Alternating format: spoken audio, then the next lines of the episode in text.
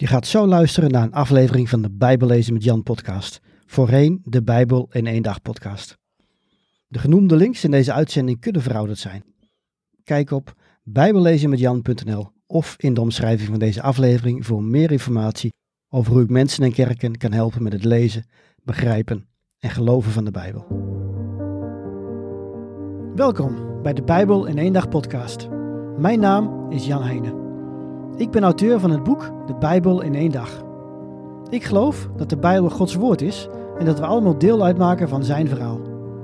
De Bijbel is ook een vreemd boek soms. Ik help christenen de Bijbel te lezen, te begrijpen en te geloven. Op de Bijbel kun je het e-book De Bijbel in één dag gratis downloaden.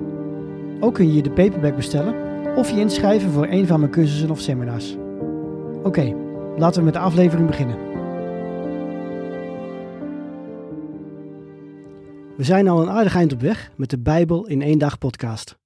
We hebben al de vijf boeken van Mozes behandeld: Genesis, Exodus, Leviticus, Numeri en Deuteronomium.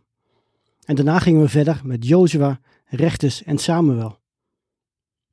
Voor we de weg vervolgen met het Bijbelboek Koningen, leek het me goed om nog eens iets verder uit te zoomen. Ik wil je graag een overzicht geven van de tijdlijn van de Bijbel, omdat dit kan helpen Gods woord beter te begrijpen. De aflevering van vandaag is ook als video verschenen op mijn YouTube-kanaal. Als je zoekt op Bijbel Jan Heijnen, dan vind je het wel. Heijnen is trouwens met E, lange ei. Omdat ik deze video met een andere microfoon heb opgenomen, kan het geluid iets anders klinken dan je van me gewend bent. Maar ik hoop dat de inhoud toch behulpzaam is. Veel zegen bij het luisteren.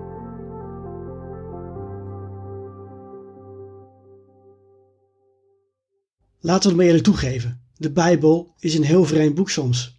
Het is geschreven in talen die wij niet kennen, in culturen die grotendeels verloren zijn gegaan. Er komt veel bloedvergieten in voor, er staan vreemde wetten in en wonderen die we niet kunnen verklaren met ons verstand.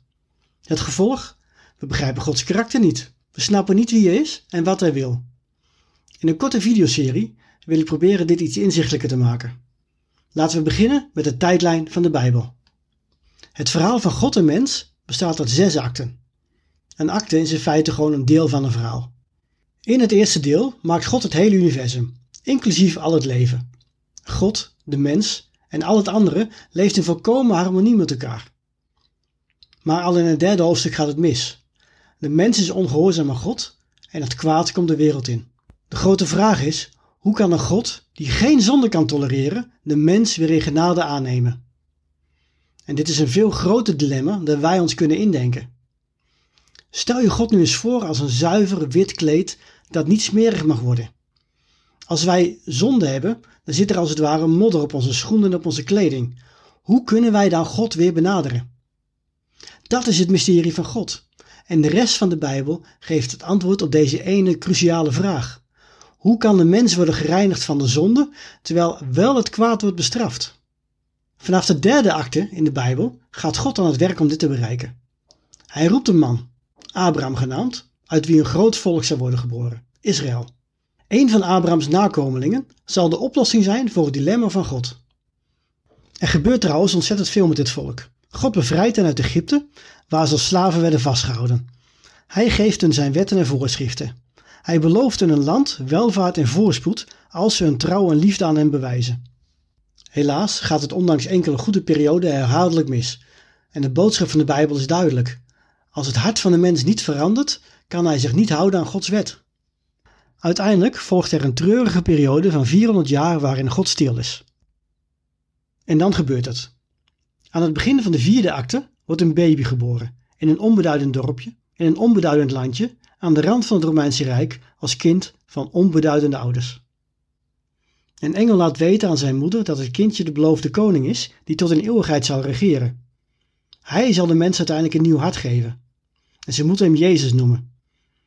Hij groeit op en vertelt zijn volksgenoten het goede nieuws. Het koninkrijk van God is aanstaande. Velen geloven hem, maar ze begrijpen hem niet. Hij kwam niet om de Romeinse keizer te verslaan, maar om vrede te bewerken tussen God en mens. Want deze Jezus is namelijk God en mens tegelijk. Hij is zonder zonde en hij verdient niet om te sterven. Toch sterft hij vrijwillig. En tijdens de marteldood aan het kruis neemt hij de zonde van de wereld op zich. Drie dagen blijft hij in het graf. En daarna staat hij op uit de dood als teken dat de overwinning behaald is. Tot grote teleurstelling van zijn volgelingen keert Jezus terug naar de hemel.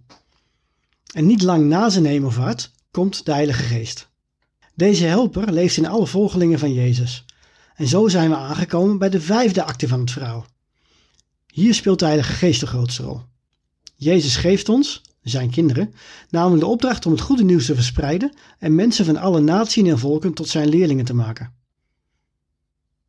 Zie je dat dit is waar we ons bevinden op de tijdlijn?